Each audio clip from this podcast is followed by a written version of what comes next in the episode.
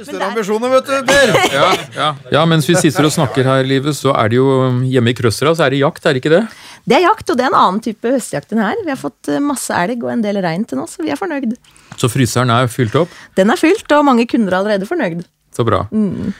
I dag eh, så skal vi ta opp et, eh, hva skal vi si, et annet høsttema, mm. nemlig høstforhandlinger i vår bransje, dagligvarebransjen. Som Dekkan kaller høstjakta. Ja. Velkommen til Norgesgruppens podkast. Det blir en prat om mat, mennesker og muligheter. Vi har vært så heldige å få med oss eh, Jan Bodd fra dagligvareleverandøren Hei, Skansa. Hei, du. Og kategoridirektør eh, i Norgesgruppen, Vidar Olsen. Hei, hei. Velkommen. Takk for det. Og dette temaet her, forhandlinger, det har vi tenkt å snakke litt om, og, og gjøre det forståelig for de som ikke kan så mye om det. Men kan dere fortelle litt først hva dere representerer? Jan, kan du fortelle litt om Skansa? Ja, vi er jo en leverandør til eh, norsk dagligvarehandel, og, primært så jobber vi med norske landbruksvarer.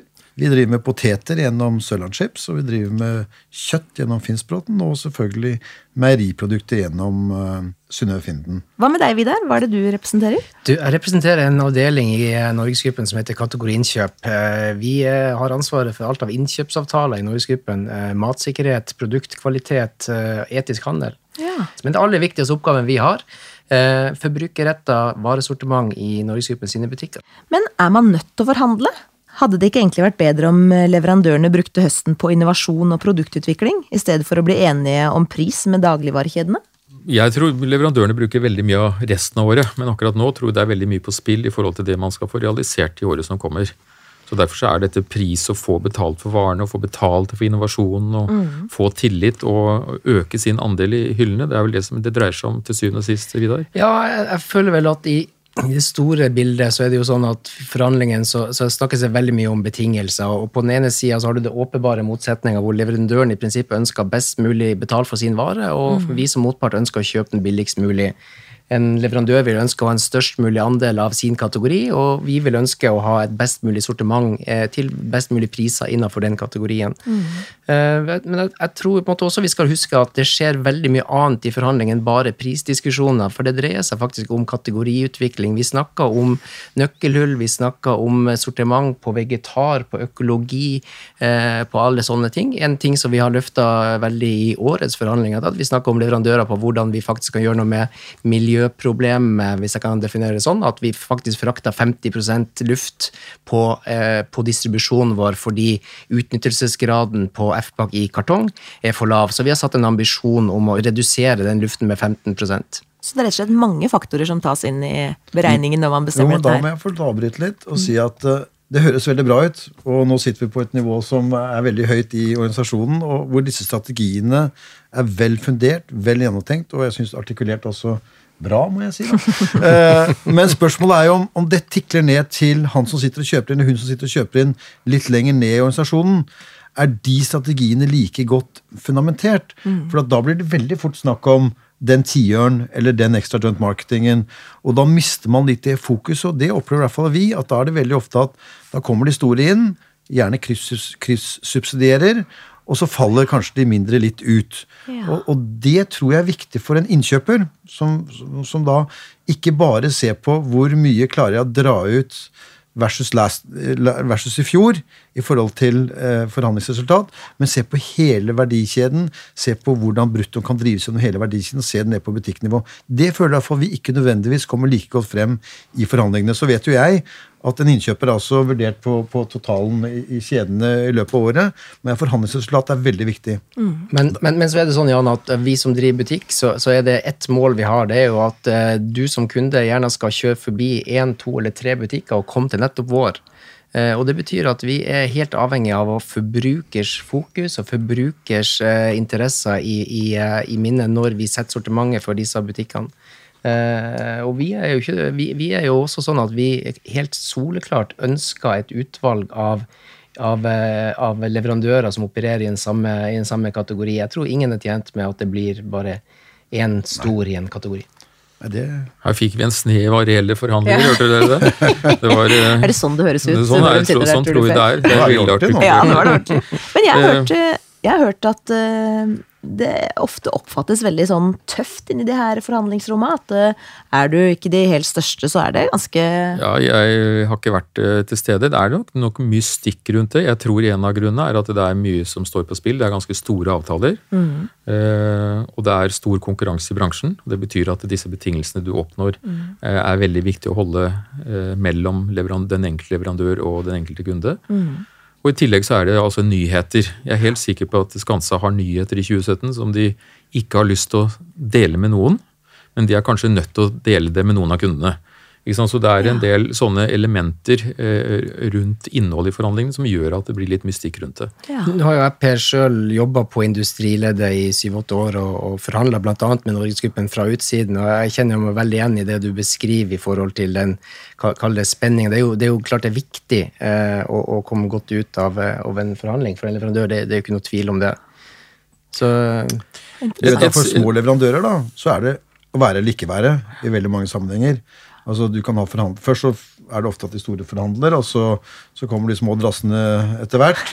Eh, og da kan de små ofte bli brukt som et eh, kall det våpen fra Norgesgruppens side mot eh, den store.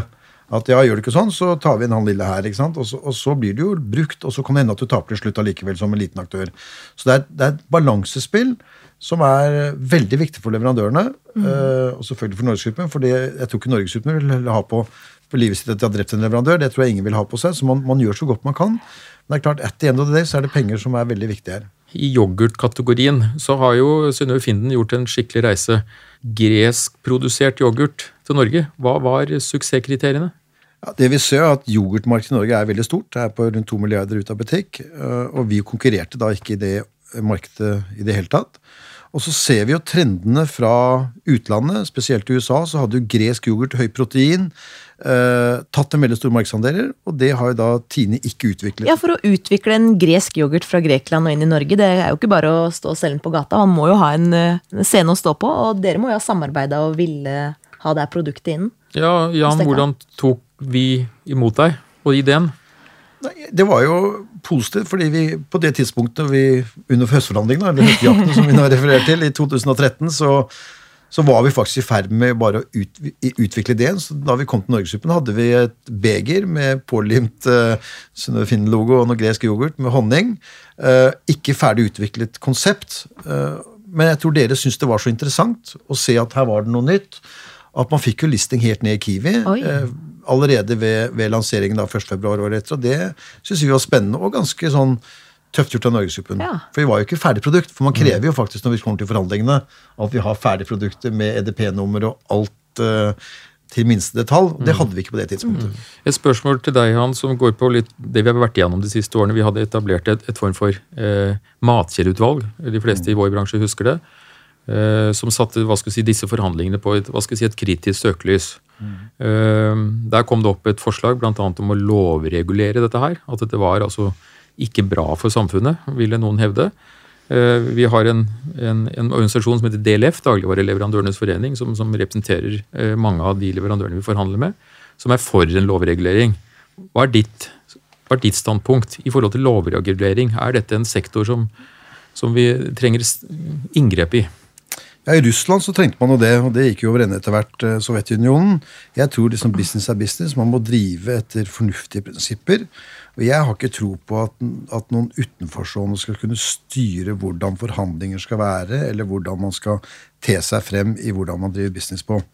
Eh, derfor så ser faktisk ikke jeg i hvert fall verdien av å ha et, eh, en, en, en lov om god handelsskikk. For jeg er ikke sikker på hva den bringer, bringer oss. Forhandlinger skal være fair. Det skal være begrunnet i, i fornuftige forretningsmessige prinsipper. Hvis Norgesgruppen krever noe som ikke er smart for meg, ja, så går vi ikke med på avtalen. Uh, og Norgesgruppen ser vel også at hvis de krever for mye av meg, så vil jeg etter hvert dø ut, og da har de ikke en konkurrent eller en, en alternativ leverandør. Så, så det liksom å, å, å, å skorte til Stortinget for å se på lover, det, det har jeg faktisk ikke jeg tro på i et fritt samfunn. Er det et samfunn som er styrt av noe annet, så, så er det sikkert bra. Så jeg er veldig imot det. Eh, nå er ikke jeg medlem av DLF, eller vi er ikke medlem av DLF. Og Det er vel litt pga. at det styres nettopp av de store leverandørene, som Orkla, Nortura og, og, og, og Tine. Og de, mulig at de dytter en organisasjon fremfor seg for å kunne komme frem med sine, sine behov, men vi ser ikke det. Jeg må jo si Den rapporten du refererte til, så var det veldig merkelig for meg at man studerte bare kjedemakten og ikke den leverandørmakten. Vi har jo meget store leverandører som vi konkurrerer mot, som overhodet ikke var gjennom den prosessen. Og det må jeg si var merkelig, eh, og kanskje litt spesielt. Hva skjer i markedet? Ferskvare fra Norgesgruppen rett i øret. Norgesgruppens butikker selger mat fra mer enn 1100 leverandører. Av disse gjennomfører vi årlige forhandlinger med ca. 140. Dette er hovedsakelig store leverandører, som f.eks. Nestlé, Carlsberg, Mondelez, Orkla, Tine, Mills og Moru. Dagligvarekjedene forhandler for å oppnå lave innkjøpspriser, som gir lavere priser i butikkene. Forhandlingene skal også sikre et attraktivt vareutvalg. Visste du at Norgesgruppen hvert år tar inn ca. 1200 nye produkter fra leverandørene? 65% av disse nyhetene forsvinner ut av butikkenes sortiment etter tre år i markedet, fordi kundene ikke vil ha dem. Nordmenn scorer høyt på merkevarelojalitet. Selv om Norgesgruppen ønsker seg flere leverandører og større konkurranse i butikkhyllene, er det slik at mange leverandører har 60, 70, til og med over 80% markedsandel innen en varekategori. Man går i butikken som forbruker, det du ser står på display tydelig og stort, er det de som har vunnet på best pris i forhandlingene nå, eller er det det kundene rett og slett vil ha? Nei, Sortimentet i butikkene det settes ut ifra eh, hva vi mener kundene eh, ønsker å kjøpe, og, og, eh, og hva som er riktig for, for, den ulike profilen. Kiwi har eksempelvis en, en oppgave som skal konkurrere på en, en prisarena, mm. mens Meny skal konkurrere på, på, som supermarked og, og, være en utvalgsbutikk. Og, mm. Man må se liksom det utvalget i butikken i forhold til hvilken rolle den butikkprofilen har. Mm. Men akkurat osten, f.eks. Synnøve Finden og Tinosten, hvordan står de i butikken i forhold til hverandre i forhold til høstjakta? Er det Her har du sannsynligvis to svar ja. på det spørsmålet. Den ene er uh, sikkert veldig fornøyd, ja. den andre syns at det burde vært mer Finden, tipper jeg, Jan. Da spør vi deg, Jan. Ja, om det skulle vært mer Finden Jeg tror altså, Finden har en rolle å spille. Uh, og der har jo Norgesgruppen vært veldig bra på, må jeg si, faktisk. Det er ikke ofte jeg gir skryt, men akkurat nå gir jeg det faktisk. Uh, til å si at vi er nødt for å ha utfordrere i meierimarkedet og vært med på å ha langsiktighet i avtaler, langsiktighet i måten vi ser ting på, nettopp fordi at man ser at vi er nødt for å bygge en utfordrer. For situasjonen er jo, hvis man da x antall og bare er én aktør på, på, på, meieriprodukter, så blir det veldig kjedelig. Tilbake til selve forhandlingene, Vidar. Hvordan er det hva skal si, du og din avdeling forbereder dere? Det er, klokkene ringer sånn rundt 1.9., og så kjører man frem mot jul. Du, i, i, korte trekk så er det sånn at eh, vi, vi, gjør ganske mye forberedelser til forhandlingen, som dreier seg om at vi eh, får tilbakemelding fra våre kjeder på hva er det de ønsker på å fokusere på i kommende år, hva er det de skal være ekstra gode på? Er det noen endring av sortiment eller kampanje eller fokus som vi må hensynta? Vi eh, gjør ganske mye forarbeidelse på råvareutvikling, på kostnadsutvikling. for å, En del av disse årsforhandlingene handler også om at vi må holde igjen eh, et, eh, prøve å holde nede prisutvikling. Vi ser på trendutvikling. Vi gjennomfører et felles leverandørmøte i forkant av forhandlingen for å sikre at alle får samme informasjon. Det blir fort litt sånn usikkerhet hvis vi kommuniserer én ting til en leverandør og potensielt til noe annet til en mhm. annen. Så vi, så vi kommuniserer felles, og så går vi i gang med forhandlingsmøtet, som da tar for seg sortiment og pris og kampanje, og egentlig har det et felles mål om felles vekst som, eh, som en felles multibruk. Som på oppløpet nå, så har jeg lyst til å spørre deg, Jan. Eh, vi har jo eh, Du har vært i en bransje i, i mange år. Du har ledet Coca-Cola i Norge, du har ledet Ringnes i Norge, og nå, nå er det Skansa. Så du har hatt en lang reise i denne bransjen. Og så er vi et land kanskje som er på topp i verden med henhold til lojalitet til merkevarene. Folk vil ha Tine. Folk vil ha Gilde. Folk vil ha Coca-Cola. Er denne lojaliteten truet, eller er den på en måte nærmest grunnfestet? Blir vi sånn nordmenn at vi vil ha de samme varene om igjen og om igjen? Jeg tror at folk vil ha nye ting. De vil ha innovasjon av merkevarer de kjenner. Norge er, som du sier, et merkevareland. Ehm, men så ser vi jo at folk har begynt å spre seg litt, for det kommer så mye nyheter. at Folk har andre typer interesser. At man er villig til å prøve nye ting så lenge de føler at det kommer fra en kjent type merkevare. Synnøve er en av de kjente merkevarene. Sørlandsskips og. Så, videre. så jeg tror at ja, selvfølgelig er sterke merkevarer viktig. Ehm, men jeg tror en rolle som utfordrer som vi er, så vil nok forbrukerne være villige til å teste og prøve nye produkter, og det er veldig positivt. Jeg tror det som er viktig for en mindre aktør, eller for alle aktører for så vidt, er jo å komme med ting som er litt i trenden, som, som er på helse, som tar vare på seniorene osv., som bygger nye preferanser og nye produkter. Eh, jeg synes Et godt eksempel for nevnte Coca-Cola er jo hvis du går til min tid i Coca-Cola, som var uh, slutten av 80-tallet så var stort sett kjøleskapene i alle butikkene rød med Coca-Cola. Så ble det litt blåere etter hvert, så ble det rødt og blått mellom Pepsi og Coca. Ser du på en kjøler i dag, så er det veldig mange forskjellige merker der. Det er Vitamin Vel, det er Noco, det er Coca, det er Bonacqua, det er masse produkter. Så forbrukerne har vent seg til nye produkter og nye smaker.